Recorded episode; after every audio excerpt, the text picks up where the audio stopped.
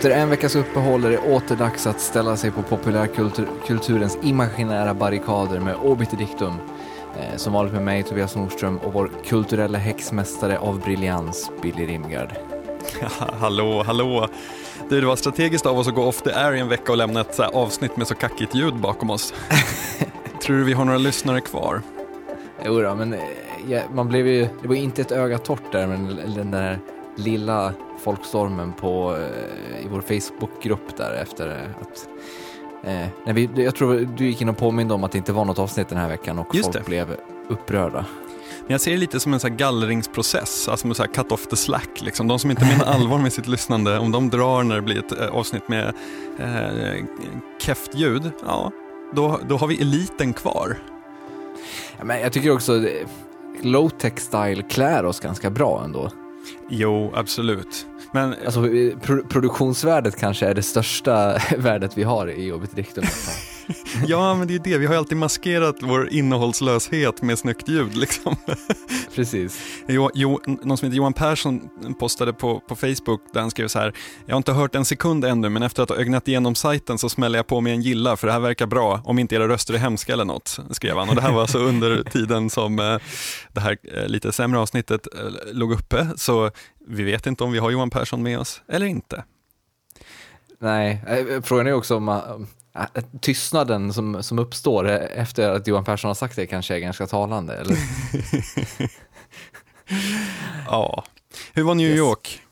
New York var ju, det, det är alltid fantastiskt. Eh, Jag var och såg Spider-Man Turn of the Dark. Oj! Den, Ja, men.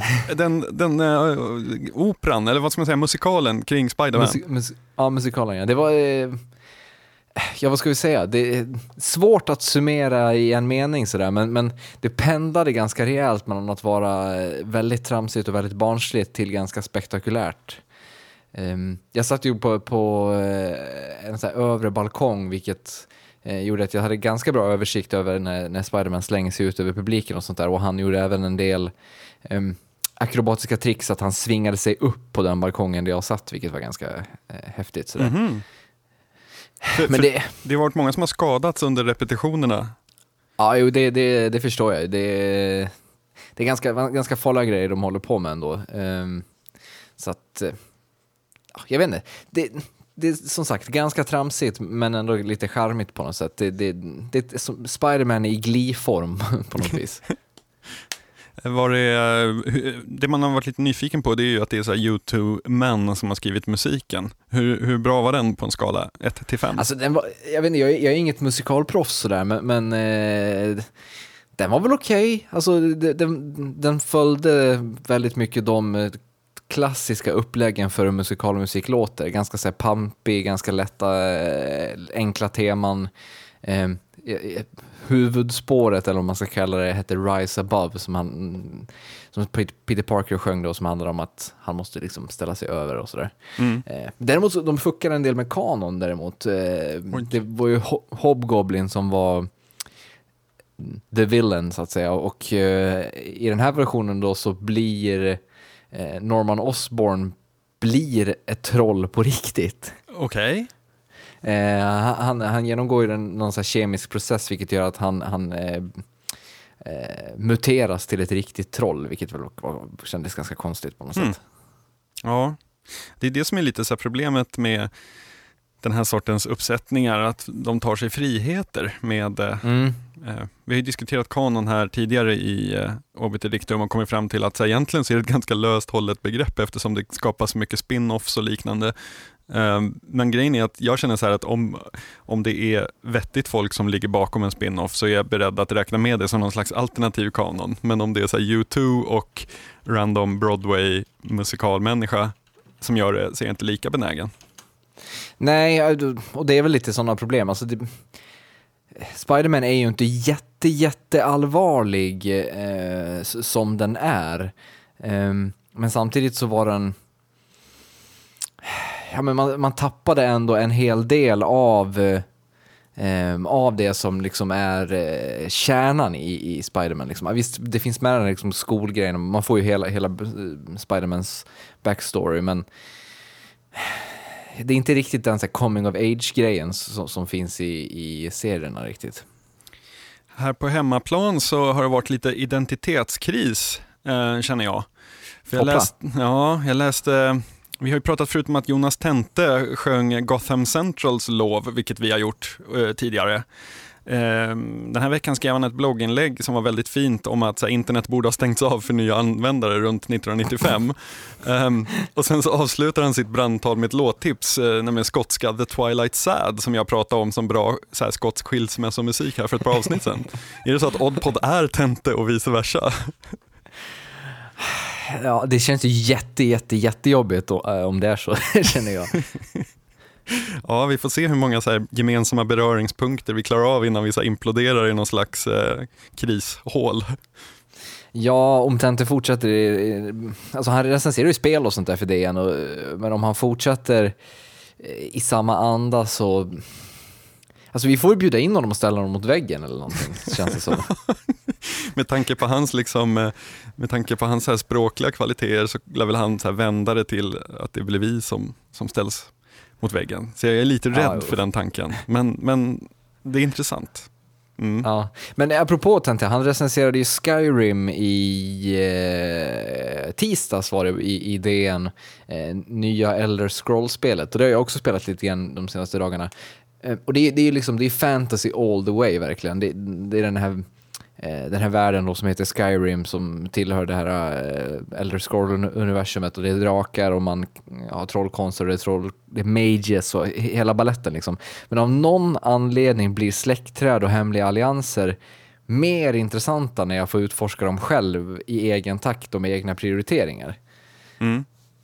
Kan du känna igen dig i det på något sätt? Att, att ähm, jag vet inte, finns det en strukturell uppbyggnad i fantasygenren som åtminstone jag kan ha svår, svårt att ta, ta till mig på något sätt? Hmm. Ja, alltså mitt, jag måste säga att när det gäller spel så tycker jag att fantasyspel, nu har inte jag spelat just Skyrim, jag har ju sett uh, lite filmer och trailers och gameplay och sådana saker. Men jag, jag kan gilla så här, eh, jag kan gilla när de gamla, så här, eh, vad heter det, alltså Amiga och Commodore 64 fantasyn, när det var små pixliga gubbar så att det, det lämnade rätt mycket till sin, e, ens egen fantasi, eh, mm. hur det faktiskt såg ut. För att jag har väldigt så här, eh, jag tyckte väl att Sagan om ringen-filmerna gjorde ett okej okay, eh, försök att skildra de här världarna och jag tycker även att, eh, vad heter det, Game of Thrones gör ett också ett helt okej okay eh, insats när det gäller det. Men oftast så finns det en, någon slags inbyggd storslagenhet och en, eh, ehm, någon slags så här, eh, estetik eh, i fantasyvärlden som jag gärna eh, lämnar åt mig själv att föreställa. Eh, jag, jag, är inte helt säker på att så här, nu är ju eh, Skyrims motor och grafik är ju jävligt feta liksom. Ehm, mm. Så att det är möjligt att det, att det börjar nå den nivån, att man faktiskt kan ta till sig det. Men i slutändan så känner jag så här, eh, om man reducerar de tankeexperiment som fantasy är till någon dude eller dudette med yxa som springer lite styltigt eh, i en så här bakifrån vy. um, ja, li, lite skeptisk är jag mot, mot eh, fantasyspel. I alla fall de nya. Jo, Jo, men alltså det som funkar väldigt bra också i Skyrim, det är ju hela den grejen att alltså själva huvudstoryn är ju inte så, så central, eller vad man ska säga. Det är ju mer fokus, eller det är i alla fall mer roligare och mer intressant att springa runt och bli med, bli med i hemliga sällskap och massa sånt och utforska den här världen snarare än, än att liksom följa den här uh, huvudstoryn på något sätt. Men det är väl helt i linje med Bethesdas, uh, liksom, de som har gjort det, deras uh, Fallout 3 exempelvis. Ja, precis. Det är väldigt, väldigt likt Fallout 3 i, i själva spelmekaniken också. Jag tror att den här motorn ska användas i Fallout 4, har jag läst. Okay. Det är inte mm. bekräftat, men det är, det, nu när de har byggt den här och gör Skyrim med den och sen har de ett Fallout 4 i någon slags pipeline någonstans, eh, så vore det ju konstigt om de inte använder den här spelmotorn för att bygga det. Mm. Så det är jag pepp på. Det finns också, ja, jag ska säga det, det finns en jättefin Skyrim-trailer, eh, en remake av den trailern eh, gjordes just som att det var ett så här gammalt eh, 8-bits-spel. Det finns ju det Conan, eh, Conan Barbaren-spelet som är det klassiskt så här, typ Amiga-spel eller någonting sånt där tror jag. Mm. Jag gillade, jag, gillade Dun Dungeon Master, hette det, ett uh, spel där man såg man inte såg typ några karaktärer utan man, alltså det var en ren korridor, korridorsspel så man såg bara en korridor framåt så såg man att ah, där kan jag gå åt höger och där kan jag gå åt vänster. Um, och helt så turn-based, så när det dök upp någon uh, något oknytt så slogs man med det liksom med sina gubbar. Uh, och det var alltid så sjukt komplicerat uh, att ta sig ur de där uh, dungeons. Men det var, det var fantasyspel det. Ja, min, min sambo hon spelar ju också Skyrim nu och hon, hon är, tycker absolut bäst om det för att det, är, det påminner henne om eh, SV MUD, alltså MUD eh. Och då, alltså att, ja, men hela den grejen med att du kan springa runt och köpa hus och allting sånt. Mm. Det, det är det hon tilltalas av med, med hela Skyrim-upplägget. Mm. Eh, den, den, hela den nostalgiska biten med, med gamla textbaserade RPG-spel. Liksom. Mm. Eh, så att, alltid något. Yes. Jag var och såg Breaking Dawn också. Oj! Eh, det känns som, vi har väl aldrig riktigt rört vid eh, Twilight-kulturen, har vi? Jag tror att jag har kommit ut som en stor vän av den första filmen i ja. något läge. Kan det ha varit Guilty Pleasures kanske, när vi pratade? Ja. ja. det gamla Guilty Pleasures-avsnittet som alltid kommer tillbaka och håntar en. Jag blir mycket förvånad om du är kvar som Twilight-vän efter, efter den här filmen. Mm. Alltså det är, det är helt sinnessjukt. Den är, gick ju direkt upp på etta på biolistan i USA. Eh, och det är liksom bland det sämsta jag har sett i år i, i, i filmväg. Eh, alltså jag undrar egentligen hur det kommer sig att så kass, saker gjorda med så kass kvalitet och som helt saknar någon slags allvarlig story, alltså bara är blaj. Eh, alltså hur de kan gå så sjukt bra. Alltså jag fattar att folk vill ha en åktur och liksom ren eskapism när de går på bio. Äh, men kan verkligen folk se bortom liksom säga, rent uppenbara kvalitetsbrister? De är, de är inte gjorda för dig, Tobias. men, men, men ärligt talat, även om, de, även om jag vore ett yngre jag eh, och tillhörde målgruppen mer så hade jag inte tyckt det här var bra. För det, alltså det var, jag, jag gick och såg den på Park i Stockholm, vilket är en, eh, den ligger, biograf som ligger ungefär vid Stureplan. det var lite eh, mer vuxen publik än vad jag än vad det kanske brukar vara på Twilight-visningar. Men alltså i, i, i salongen, folk satt och skrattade konstant åt saker som bara var så, så sjukt töntiga liksom. Jag såg ju den förra, eller två filmer, eh, för två filmer sedan, eh, Eclipse, den såg jag på, eh, eh eller det är New Dawn som är, ja, skitsamma. Eh, den andra rullen såg jag på premiären. Eh, och det var jag, det var min sambos brorsa, och sen var det väldigt mycket tjejer eh, som skrek väldigt högt. Men det var en bra, alltså, det är så, så jag gillar att se så, eh, så här, nörd, alltså genrefilm som har ett väldigt så här, tro, troget följe, de ska man ju ofta se på premiärer. Jag kommer ihåg, jag såg Star Trek Generations också på en premiär en gång, um, där folk så här, satt och jublade när namnen dök upp i intro, i förtexterna, liksom, så här, applåderade och förutom när West Crusher, eh, Will Wheaton dök upp, då så buade de. ja, alltså jag skrek också, men kanske mer av så här smärta över att det gjorde ont i min själ att behöva bevittna spektaklet. Alltså jag, jag låter ju så här, jag hör ju själv, jag låter som bitter så här, gubbe som inte fattar grejen. Men det är, alltså, det är på riktigt jätte, jätte, jätte dåligt. Och det, är inte bara att det är så här, ja, det är inte storyn som är dålig, utan det är att det, alltså, filmen som film är, är jättedåligt gjord.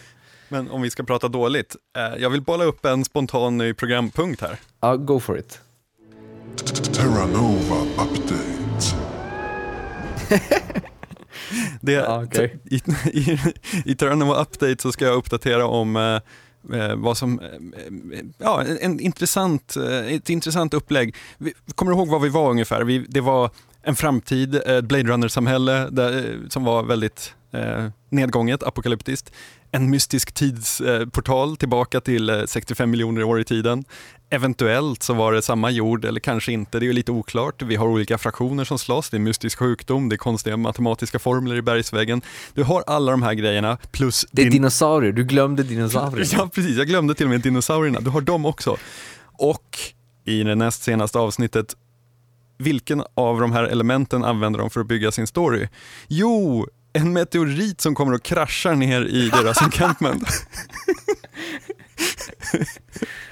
som skickar ut en EMP-puls eh, eller, eller en EMP eh, som förstör all elektronik. Vänta, skickar, skickar eh, meteoriten ut en EMP? Ja, för att det var någon så här kemisk reaktion när den gick in i Ah, atmosfären.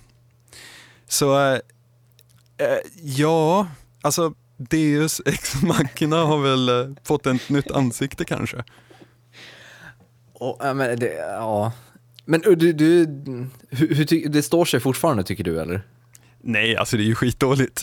jag, jag fortsätter ju kolla. Men det roliga där, det roliga är liksom så här att vad de gör det är att så här, de, de utvecklar inte karaktärerna ett dugg. De använder sig inte av karaktärerna för fem öre.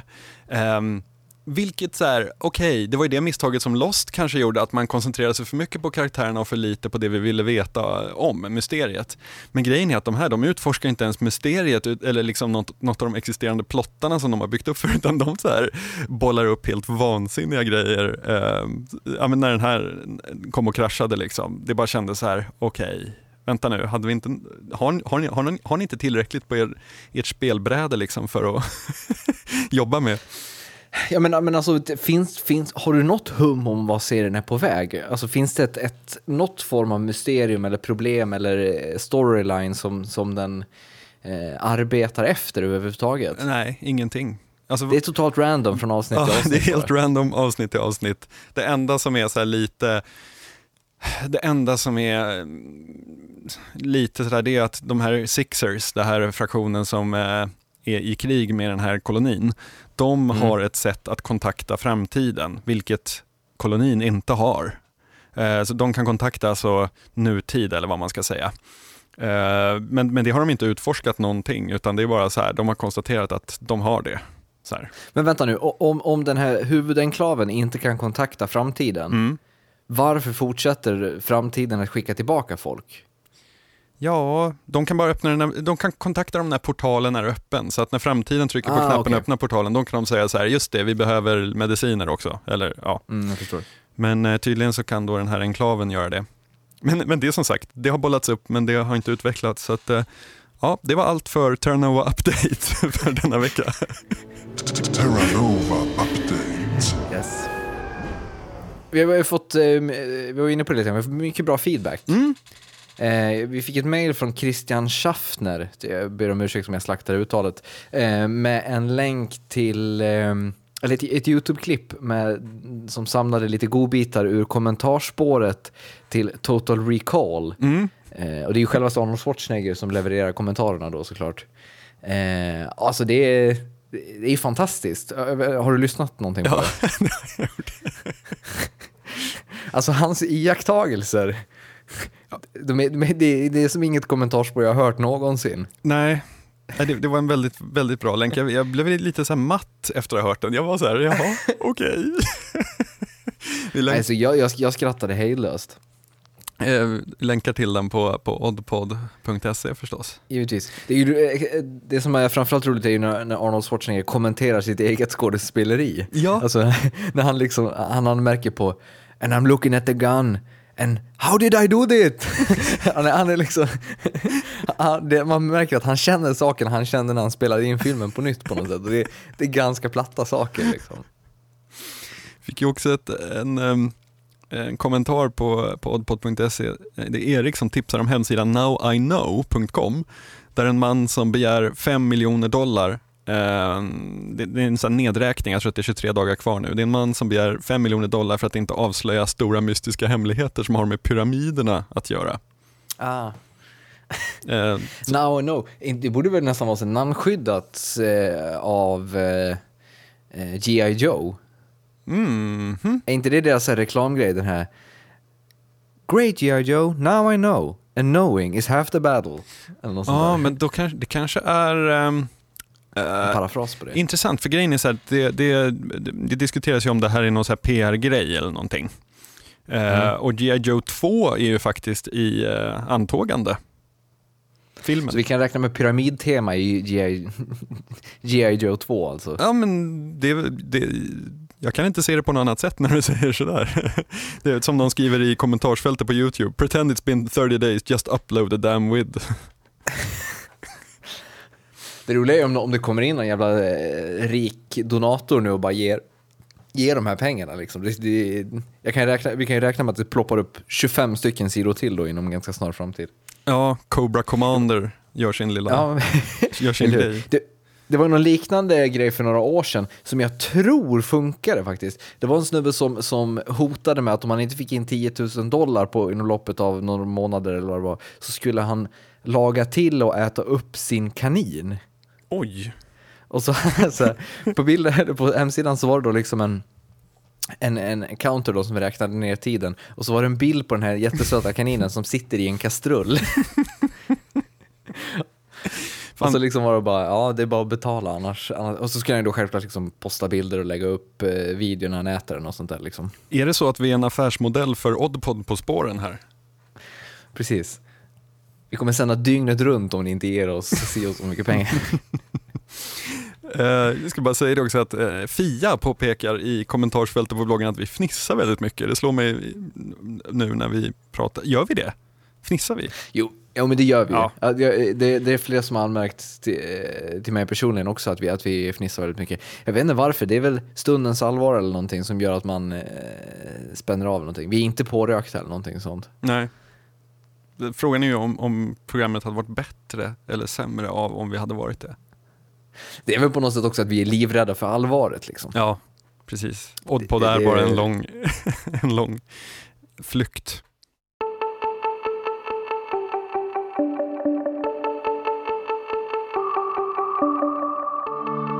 Ryske författaren Dmitrij Gluchovskij är aktuell med Metro 2034, uppföljaren till hans hyllade Metro 2033 som också blivit datorspel.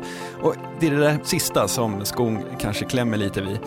Eh, det kan vara så att Metro 2033 varit bättre om det hade varit renodlat som datorspelskoncept. För i den världen så är det postapokalyptiskt Moskva där tunnelbanestationerna är de enda ställena som folk bor på. Eh, varje station har sin egen lilla karaktär som små nationsstater som, som sköter sitt. Eh, vissa stationer har gått med i allianser som omfattar hela linjer, bland annat röda linjen som har återgått till något slags stalinistiskt styre. Och när man färdas mellan de här stationerna så är det i många fall helt livsfarligt. Det är mutanter, spöken, okända saker i mörkret och ja, det är lika bra att åka i karavan än att vara själv. Och jag menar, det här grundkonceptet, det, det är ett grymt koncept och en hisnande idévärld. Men sen i själva utförandet så blir någonstans Metro 2033 ett för mig perfekt exempel på att så här, ja, att du har ett bra koncept, det behöver inte leda till att du kan berätta en fantastisk historia. Eh, koncept är ju viktiga i någon mening, att, att man utgår från, från en bra eh, idé. Men, men sen då? Räcker det för dig? Alltså, det är väl, så, det är väl så både och. Det beror lite på vad man gör med det. Men jag tror att mm, det, det, det som många kanske mm, författare eller eh, filmare eller vad som helst gör eh, lite fel är att man kanske man kommer på ett bra koncept och sen liksom motar man in en historia in i det här konceptet på något vis. Mm. Ehm, vi, vi, vi pratade om Inception för, eh, ja, nu är det väl kanske ett år sedan, men eh, det var ju en typisk sån film där idén eh, och själva konceptet var jättebra, men det kanske inte var hundraprocentigt utfört som, som, som story liksom. Fast, fast Inception för mig är ändå ett exempel på att säga ja, det är bara ett koncept egentligen. Det är inte så mycket story, men den funkade på mig. Jag köper det rakt av. Alltså det är så här, eh, jag tycker Inception är en väldigt bra film. Inte, inte dialog, karaktärs eller handlingsmässigt, men som upplevelse. Ja, men problem, problemet med, för, för just Incep- Inception, det är liksom att eh, 90% av dialogen går ju åt att förklara konceptet. Vi, och när man då sen ska berätta en historia ovanpå det så blir det liksom väldigt krystat. Ehm, det, blir väldigt, det blir väldigt krystat när den här historien är liksom intryckt med hela hans, eh, vad är hans exfru eller vad, vad det är, Mal. Eh, när hela den grejen är, är liksom intryckt så blir det lite så här kaka på kaka, mest för att Ja, men mest för att det ska finnas en film där överhuvudtaget på något sätt. Fast ett annat exempel tycker jag är Cube.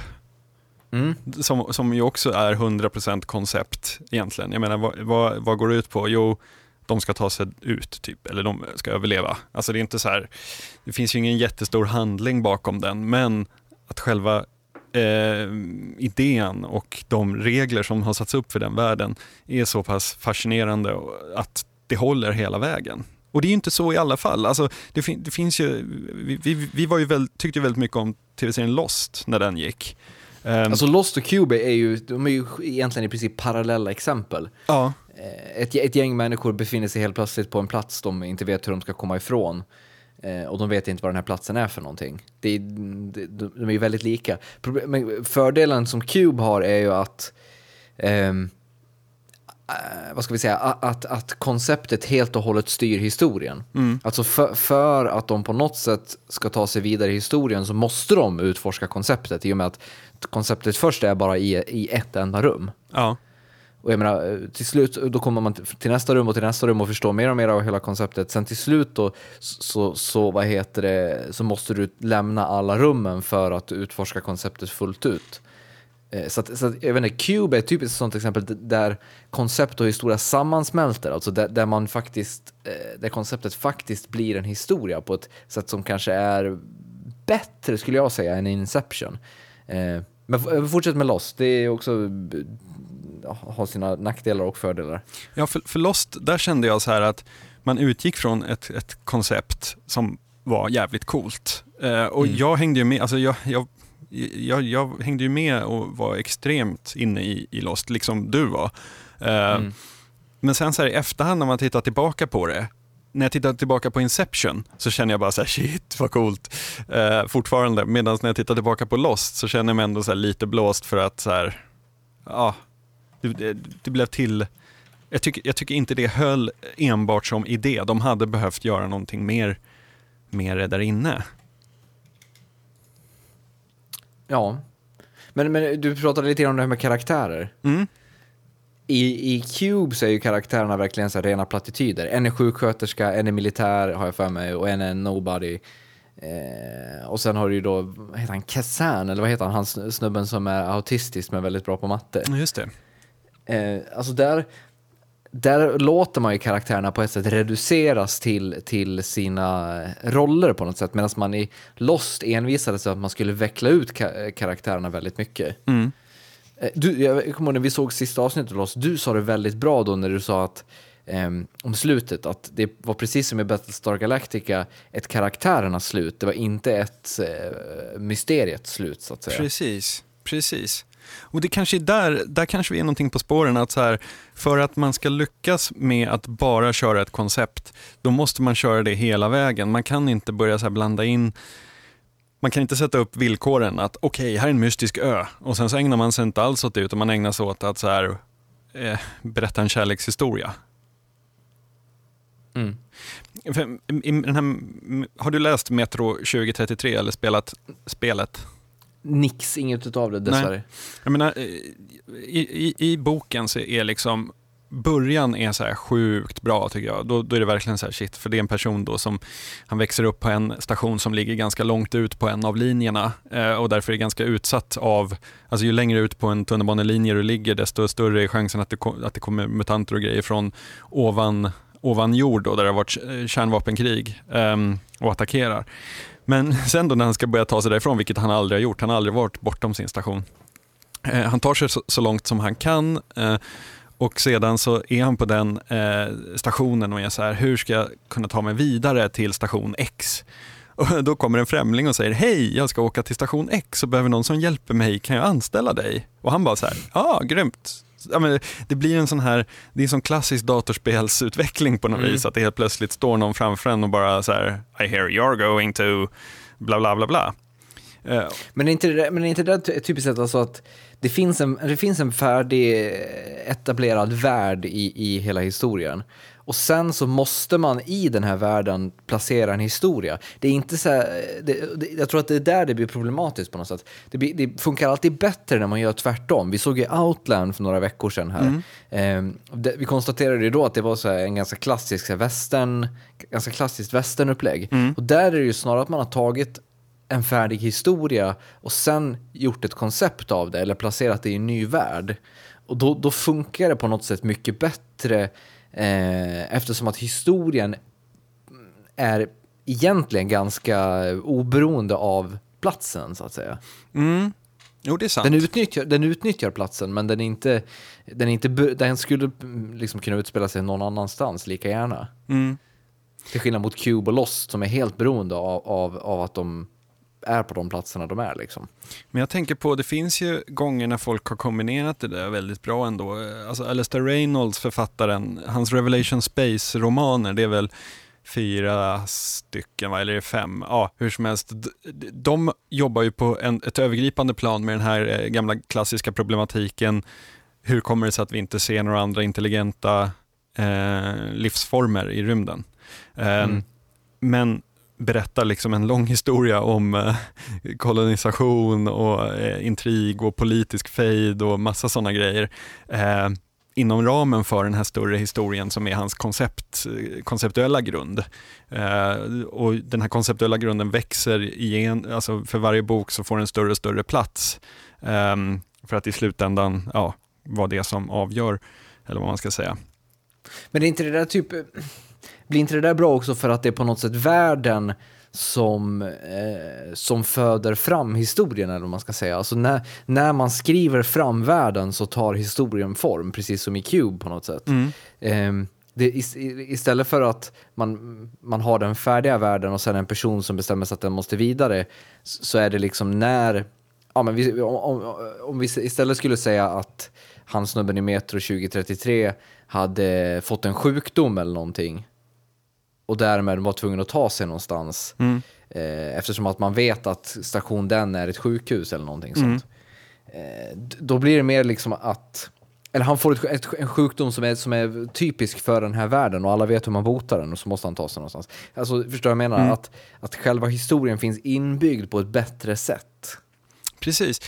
Eh, Det kan vara så att de gångerna vi känner oss borttappade, så här, ja men det här, vi kan inte hänga med på den här resan. Ehm, Det är förmodligen de gånger när någon har suttit och varit väldigt fascinerad över det den har kläckt. Så här, wow, det här världen, den kan jag göra vad jag vill med. Eh, Och så tappade man bort det någonstans på vägen att så här, just det, berättandets grundfundament, att man ska bry sig om huvudpersonen och sympatisera med dess ambitioner och så vidare. Ehm, att, att, det blir sekundärt till att, att skildra eh, miljön. Mm. Jo men definitivt. Jag, jag tänker så här, vi, pra- vi nämnde Skyrim in, inledningsvis. Den följer ju också det så här klassiska tv-spelsgrejer med att ja, men det kommer fram personer och ger en en inbjudan till någonting eller sådana saker.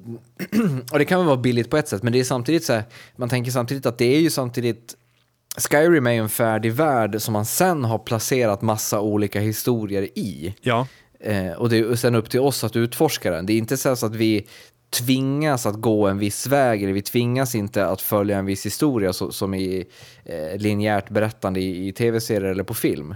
Eh, och det, jag vet inte, då känns det som att man på, på ett bättre sätt kanske kan, kan utnyttja rena konceptuella eh, miljöer eller vad man ska säga. Eller vad, vad, vad säger du? ja absolut. Det, det, det tror jag. Jag tror, tror mycket på så här, man har ju läst många eh, författare av, av fantasy och sci-fi som liksom, de bygger, men det är väl lite som i research för vilken, vilken genre, litteratur eller film som helst egentligen. Att om man försöker få med allting i berättelsen så kommer det liksom inte att funka.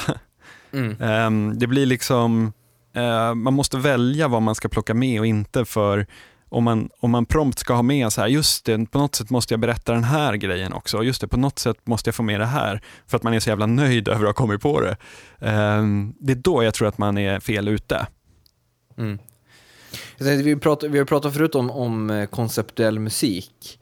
Eh, och då diskuterat kring, kring ja, men när, man, när man gör musik uppbyggda efter rena konceptuella idéer. Eh, blir, blir det i det fallet, tycker du, renare? Alltså blir, hörs konceptet tydligare än vad man ser konceptet i till exempel Inception? Hmm. Jag har nog en annan infallsvinkel till just konceptuell musik. så. Eh, alltså, om någon, vi har Kate Bush har ju precis släppt sin skiva där hon har byggt på ljudet av fallande snö. Mm. Ehm, och om man gör det som utgångspunkten så är det väldigt viktigt att lyssnaren ska veta att det här handlar om fallande snö och då kan man, då kan man liksom närma sig eh, musiken på något sätt. Med en film eller en, en bok eh, så... Hmm. Det, det känns som att vägen till att man accepterar det är lite längre för att man läser det fortfarande som en en eh, berättelse. Alltså ett exempel på en person som gjorde en lysande grej, det är ju World War Z av Max Brooks. Um, mm. Där han inte gör någon ambition egentligen att berätta en han berättar inte en historia utan han har gjort det som ett historiskt dokument istället. För då kan mm. han liksom, han har drömt upp den här grymma världen, eh, eller liksom snarare tidslinjen över vad som skedde i världen under ett zombie-outbreak. Och istället för att försöka skildra den då inifrån jag vet inte, krismöten med regeringar och realtidslag och sånt, så är det liksom ett, som en rapport skildrad i efterhand. Um, mm. Och det tycker jag fungerar jävligt bra. Det funkar också väldigt bra för, för H.P. Lovecraft som använder exakt samma metod. Att så här, ja men det är, då på något sätt så kommer konceptet och idévärlden till sin fulla eh, njutning för att man behöver inte ta hänsyn till alla de här eh, eh, ja, men just, vi pratade om expositionen i Inception där de hela tiden måste berätta vad det är som händer. Eh, mm. Så blir det ju per automatik i en realtidsgrej, att nej men du kan inte gå dit bort. Varför inte då? Jo, därför att där borta har de gjort sådana här saker. Jaha, oj, vad hände då? Jo, då hände det här. Och så, så då blir det liksom Får man det där skrivet på eh, näsan hela tiden så tröttnar man ju för att man tänker så här, get on with it. Liksom. Ja. Jo, så, så, är det nog definitivt. Men eh, är det, är det då ett koncept blir för stort? Alltså jag tänker så här, i film blir det ju problematiskt att visa vissa saker. Just sådana teoretiska, sak, eh, teoretiska idéer som finns i Inception, de blir väldigt svåra att illustrera. Medan man i en bok till exempel eh, på ett mycket mer smidigt sätt kan avhandla sådana saker mm. utan att det blir tjatigt på samma sätt eftersom du liksom på något sätt kan tar ett gudperspektiv och berättar för läsaren vad som försiggår. Ja, så är det. Film, film, filmgrejen är ju, eh, så fort det blir för avancerat på film så måste typ antingen karaktärerna reda ut det för varandra så att tittaren får reda på det, eller så måste man jobba med så här sjukt smart eh, bildspråk på något sätt. Du, du, du eh, sjöng ju Drives lov här om eh, eh, veckan och jag såg ju den och blev också helt golvad, framförallt av inledningsscenen där han lyssnar på en så sportscast på, på radion. Eh, mm. och det, du får en väldigt tydlig förklaring varför han gör det lite senare. Eh, och det, det Utan att någon berättar det för dig? Precis, han behöver inte säga så här att ja men eh, eh, vänta här nu, ni får eh, hang on, liksom. jag måste höra hur det går i matchen innan vi kan, ja men du vet, det hade bara varit så pajigt, ja. istället sitter han bara tyst och men jag tror det är liksom just i, i, i musikens fall så tror jag att eh, när, när du bygger upp ett koncept där så blir det liksom ofrånkomligt att resultatet härstammar direkt ur konceptet. Mm. Förstår du vad jag menar då? Att, att när, när, eh, när Kate Bush gör en skiva om fallande snö, ja, då, måste det fan, då måste man fan höra fallande snö på, skiv, på, på skivan också. Eh, det går inte att ha henne berättandes hur fallande snö låter. Nej. Nej. så att, så att, då, då, på något sätt blir det mycket, mycket lättare. Jag läste Erin Morgan, Morgensterns The Night Circus. Eh, har du hört talas om den? Nej. Eh, jag läste den nyligen. Eh, det är en bok som handlar om vad ska vi säga? Den handlar om två trollkarlar som utkämpar en kamp över typ hundra år. för att de, de, de, de har frivilligt motats in i den här kampen mot varandra. Och det, det intressanta är att de gör det på deras arena då för den här kampen är en cirkus som utvecklas. Eh, som reser runt då och det intressanta är att hon har liksom byggt upp hela den här boken som att cirkusen är huvudrollen snarare än de här två trollkarlarna. Eh, vilket gör det hela väldigt intressant i och med att eh, det blir istället tvärtom. Vi har en historia, men sen är det historien som föder hela konceptet med boken på något mm. sätt. Mm. Eh, och det är liksom så här, historien, eh, de, de, de tävlar till exempel mot varandra genom att skapa olika tält på den här cirkusen. Men sen får den här, de här tälten får ju sen då konsekvenser för andra personer involverade i historien än trollkarlarna så att säga. Ah. Eh, och det funkar väldigt bra liksom, hur, hur hon låter eh, cirkusen som koncept ta form genom att historien eh, fortlöper. Liksom. Ja, det låter jättebra. Ja, men ett, ett tips så här i höstmörkret, definitivt. Vi kan väl eh, avrunda med att upprepa det som eh, William Gibson svarade när någon twittrade honom och påpekade att Inception saknade handling. Eh, varpå William Gibson svarade “Plots are highly overrated anyway”. Mm. Den, kan man inte, den kan man inte känna på för många gånger. tror jag. Nej. May I have your attention, please? We've got a, uh, uh, we got a, a situation down here. Thermonuclear perfect new computerized world. 1,758 feet underground.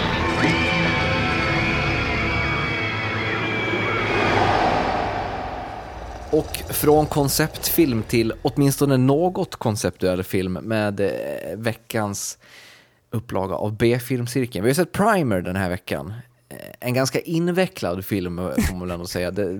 Den handlar, eh, vad ska jag säga, kortfattat om två stycken snubbar som är någon slags ingenjörer och får för sig att uppfinna en maskin eh, som sen visar sig besitta egenskaper som de inte riktigt hade räknat med. Eh, Det är inte första jag tror både du och jag har sett Primer förut. Det har, jag, jag har sett den förut, ja, för länge, länge sedan. Mm. 2005 tror jag. Ja, det var, ju, eh, det var ju några stycken som kommenterade direkt att det är väl ingen B-film. Eh, Är det en B-film? Det är ju det som... Eh, alltså, ska vi börja med lackmustestet? Gör det först. Ja, vi gör det först, bara för att reda Ja, ut det här. För det, precis. jag tycker att det är lite komplicerat. Okej, fråga ett då. Överstiger ambitionsnivån produktionsvärdet? Ja, Det, alltså det är väl definitivt. Definitivt. På, något sätt. mm. Är underhållningen större än kvaliteten på filmen? Ja om kvalitet, om vi, om vi, om, vi har ju pratat där, det är lite abstrakt, men så här, kvaliteten någonstans, eh, om det någonstans är så här, eh, krispighet i eh, ja, filmning och så vidare, ja, men ja, det, underhållningen är större än liksom någon slags de facto kvalitet. Eh, alltså jag håller nog med, men det, jag, håller, det, jag skulle dock säga att det blir problematiskt i fallet Primer på något sätt eftersom att Alltså underhållning i det här fallet är ju på något sätt så sjukt avhängig eh, kvaliteten på filmen så här, manusmässigt på något sätt. Mm, jo, För, det, för, det, för det är ju en film som på många sätt är sitt manus. givetvis. givetvis. Eh, men, ja, men jag får väl hålla med, underhållningen är större än kvaliteten på filmen. Mm. Är, produ är, är produktionsvärdet utstuderat lågt? Nej, det är det inte. Och det här för ju oss fram till att så här, enligt vårt lackmustest är det här en B-film, men då, det, komplicerar, det som komplicerar saker här lite, det är ju att de hade alltså en budget på 7500 dollar när de gjorde den. Eh, han som spelar Abe är det väl som, eller Aaron, eh, ja, det, är- det är samma person som har skrivit, regisserat, spelar själv. Nästan alla skådespelare är liksom kompisar till dem för de, de gillade inte vad som hände när de tog in så riktiga skådespelare för då blev det så här överspelat tyckte de. Ehm, så det är ju verkligen ett hemmabygge på alla sätt och vis. Men det är ju så sjukt smart och snyggt för, utifrån de förutsättningarna. Men det är väl det som är, lite grann problemet på något sätt. Det är ju en film som kanske inte ens behöver en större budget än så. Nej, givetvis, givetvis. Och det, frågan är om det då blir en B-film. Hmm. En B-film, då ska vi på något sätt, det, det är kanske en fråga vi har glömt i lackmustestet, alltså att, att budgeten på något sätt eh, måste vara mindre än, vad ska vi säga, Det samlade intrycket efteråt. Ja, eller, eller någonting sånt. För, för, för det, det, det är ju liksom en, fil, en film som, den står verkligen på sina egna ben på det sättet. Det kanske är, är underhållningen större än budgeten på filmen? Eller liksom, det, Ja, det eller kan vi säga så här, är det här vi kommer in i, i eh, gränslandet mellan B-film och indiefilm kanske? Mm, det, ja, precis. Precis. Eh, och de, de behöver kanske inte exkludera varandra så jättehårt, men, men Primer är, är ju onekligen en B-film. Den vann väl Sundance, gjorde den inte? Jo, 2004 va? Det är väl så här, ultimata beviset på att det, det är en, en indiefilm. Mm, precis. Men, men, men jag tycker ändå att det är ganska B skådespeleri ändå. Det är B, mycket b i den. Och om man ska titta på någon slags så här, vi var inne på förut att det måste vara straight to video eller liksom, eh, ja, att den inte ska ha gått upp eh, så stort också. Vi har inte med det i lackmustestet eftersom ja, det är lite svårt att ta med. Eh, Men det är ju verkligen en sån som har gått under radarn, eh, som man inte skulle kan, alltså om man ställer den bredvid en stor eh, en, en film med större budget, eh, eller ställer den bredvid typ Outland som vi såg, då, då ser man ju direkt att oj, det här är ett hemmabygge. Mm. Det är det definitivt. Men, samt, men vad heter det? Jag, jag tänkte lite grann så det, det känns som en Clerks av någon MIT-studenter. Ja, det, det är en bra... liksom, när en god nörd gör Clerks, då blir det så här massa snack om, eh, om Star Wars. När en MIT-student gör en Clerks, då blir det någon som uppfinner en tidsmaskin med bilbatterier. Ja. Och apropå vi pratade om expositionen, problemet i Inception att de hela tiden var tvungna att förklara vad de gjorde. Det gör de ju verkligen inte i Primer, utan de, de slänger sig med sin tekniska jargong och så får man hänga med bäst, bäst man kan. Men jag tror också det, gör de det, för man är ju verkligen så en fly on the wall. Alltså från scen 1 så, är- så är det ju tydligt att eh, de kommer inte förklara någonting för oss. Nej. Vare sig det handlar om, om själva om maskiner och teknik eller om det handlar om relationerna dem emellan så, så kommer vi få eh, sitta tyst och, och lyssna snarare. Mm. Eh, men tror du de gör det för att det är ett, ett, eh, ett koncept som är svårt att förklara? Eh, Det är definitivt ett koncept som är svårt att förklara på ett naturligt sätt. Jag menar, om, om du har två personer som båda är liksom techies, eh, hur ska de i sin dialog och sitt handlande förklara för en så icke-tekniskt kunnig publik om vad de gör? Ja men vadå, det räcker, räcker med att de har ett samtal där de kommer på att de ska berätta för den ena killens fru Jo, vad det är de har gjort och så får de lov att eh, på något sätt förenkla det för henne på något, på något vis. men jag tror att det handlar om att så här, de inte behöver berätta det heller. Nej. det finns liksom inget krav på att någon som har eh, betalat 130 spänn för en biobiljett liksom ska, inte ska behöva gå därifrån och bara Öh, vad hände? Liksom. Men det gör man ju. Ja, ja, det, oh, Eller? oh, det var en, det var en, eh, vad ska man säga, någon körde in en pinne i ens hjärna och har fortfarande inte tagit ut den. Nej men alltså jag kommer ihåg första gången jag såg den så var det så här liksom bara, då tyckte jag att det var ganska så här. Jag hängde inte med riktigt så här, alla, alla turerna liksom. Det, vad ska man säga, det, det, det, det kladdar ju ihop sig. Alltså de olika, tid, vi kan säga så här, de olika tidsresorna den sista 20 minuterna på filmen eh, blir svåra att hålla isär så att säga. Ja, det finns ju, en, det finns ju en, eh, ett så flödesschema eh, för, för, som man kan sitta och följa med i hemma som någon har satt ihop. Ja, Eh, Det finns faktiskt flera flödesscheman. Det finns ett då som är ganska förenklat som bara förklarar hur hela tidsresandet går till. Men sen finns det då liksom det här, vad heter det, jätteavancerade som, som identifierar då, vi ska se hur många tidslinjer det är. Det är alltså fyra olika tidslinjer. Mm. Nej, det är, eh, jag ska se längst ner, det är nio stycken tidslinjer. Så att det är nio stycken tidslinjer som, liksom, eh, som de hoppar dessutom fram och tillbaka i. Mm. För- I och med då att de liksom eh, de skapar ju den här failsafen, alltså en, en, en till tidsresemaskin helt enkelt. Och problemet med den blir att då skapas det helt plötsligt nya tidslinjer genom den. Vilket blir så här sjukt jobbigt att hålla reda på. Eh, jag trodde ärligt talat att, när jag såg den den här gången och, och dessutom har konsulterat den, den här, det här flödesschemat att jag skulle kunna hålla koll på det. Men det är liksom bara en jävla rör där på slutet Det- ändå på något Det är sätt. precis samma för mig. Jag kommer ihåg när jag såg den första gången, då var jag helt blown away och bara så här, åh, den här måste jag sätta mig ner typ med en whiteboardtavla och så här, se om och försöka eh, liksom reda ut bara för mig själv. Eh, det blev aldrig av, men sen då, nu då när jag såg den så tänkte jag jag ska slänga ett öga på de här eh, eh, flödesscheman och se så att, det liksom, så att jag kan följa med. Men fortfarande så är det verkligen så här, ja, jag är inte helt med. Och extra så här confusing är det ju att det är så här vita skjortor och svart slips vart man än, alltså det, det, det går ju liksom inte att särskilja ehm, ingenjörerna från sina, vad ska man säga, alternativa timeline, Nej. alter egon. Men den har ju samtidigt det klassiska tidsreseproblemet när man reser bakåt i, ti- i tiden. Ehm, de ser ju sig själva, eh, åtminstone en gång minns jag helt klart att de ser sig själva. De kan göra det fler gånger också.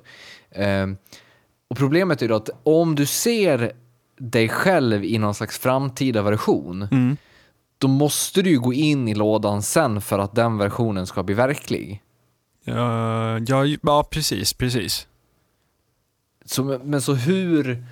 Nu gör de ju det hela tiden, så det blir ju aldrig ett problem. De, de, de, och då jag antar att de väljer att inte ta upp det i filmen just för att det blir problematiskt. Men om de till exempel, om lådan skulle förstöras eller gå sönder innan de har hunnit gå in i den. Ja, du, du förstår själv problemet. Ja, eller, ja. eller om de väljer att helt enkelt inte gå in gå in i lådan. Precis, alltså Sometimes the effect can precede the cause, som det sägs i något Star Trek Voyager-avsnitt. Um, Catherine, Catherine Janeway, denna visa människa. Um, och ja, ska man liksom ska man stay true till några slags tidsrese Uh, eller mm, nu, nu kommer vi in på ett sidospår, men, men jag tycker fortfarande så här att varje show eller film eller vad det nu är sätter upp sina villkor för hur tidsresor fungerar. Eh, det var många i fallet Lost som var så här upprörda över att man hoppar tillbaka, fram och tillbaka i samma tidslinje, så här, vilket då inte skulle vara möjligt utan det skulle vara alternativa tidslinjer man hamnar i och, och så vidare. Men då är man nere på så här någon slags nagelfarande av strängteori som jag tycker är, så här, det är ointressant i ett givet universum vilka villkoren är, bara man hela tiden i det givna universumet stannar, eh, håller sig till de villkoren. Ja, det, givetvis är det så, men det, alltså det blir samtidigt i en film som Primer blir det svårt där man på något sätt målar upp det som att man med logiskt tänkande ska kunna klura ut hur hela historien är uppbyggd, eller vad man ska säga. Då måste man på något sätt även eh, låta historien lyda efter logikens lagar på, på något plan, eller, eller vad man ska säga. Det, är inte, som sagt, det blir ju inte ett jättestort problem här eftersom att de inte tar upp sådana frågeställningar. Eh, så att, så att det funkar ändå ganska bra, tycker jag. Ehm, så att, jag vet inte. Men, men jag ville bara adressera tidsreseproblemet som, som finns här och som finns i nästan alla, eh, alla tidsreseskildringar. Det där är så här intressant om, om man möter ett framtida jag som säger så här, när du gör den här enorma upptäckten eller har byggt den här grymma maskinen så får du absolut inte använda den.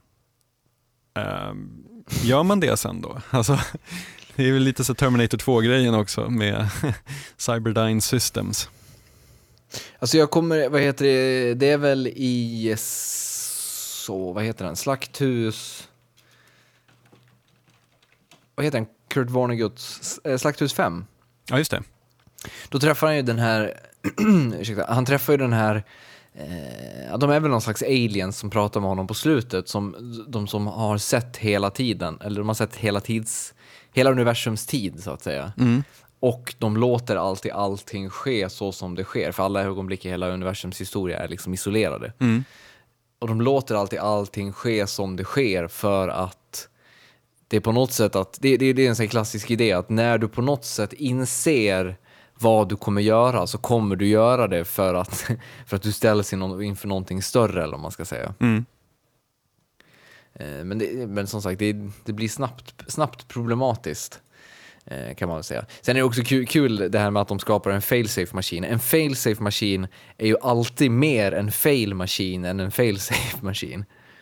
Ja, precis. När det, när det ska användas en failsafe så vet man att okej, nu kommer det gå åt helvete. Ja, precis. Det, det, ordet failsafe, det är lite samma sak som att vara klädd i röd tröja i Star Trek Original Series. ja, men ungefär.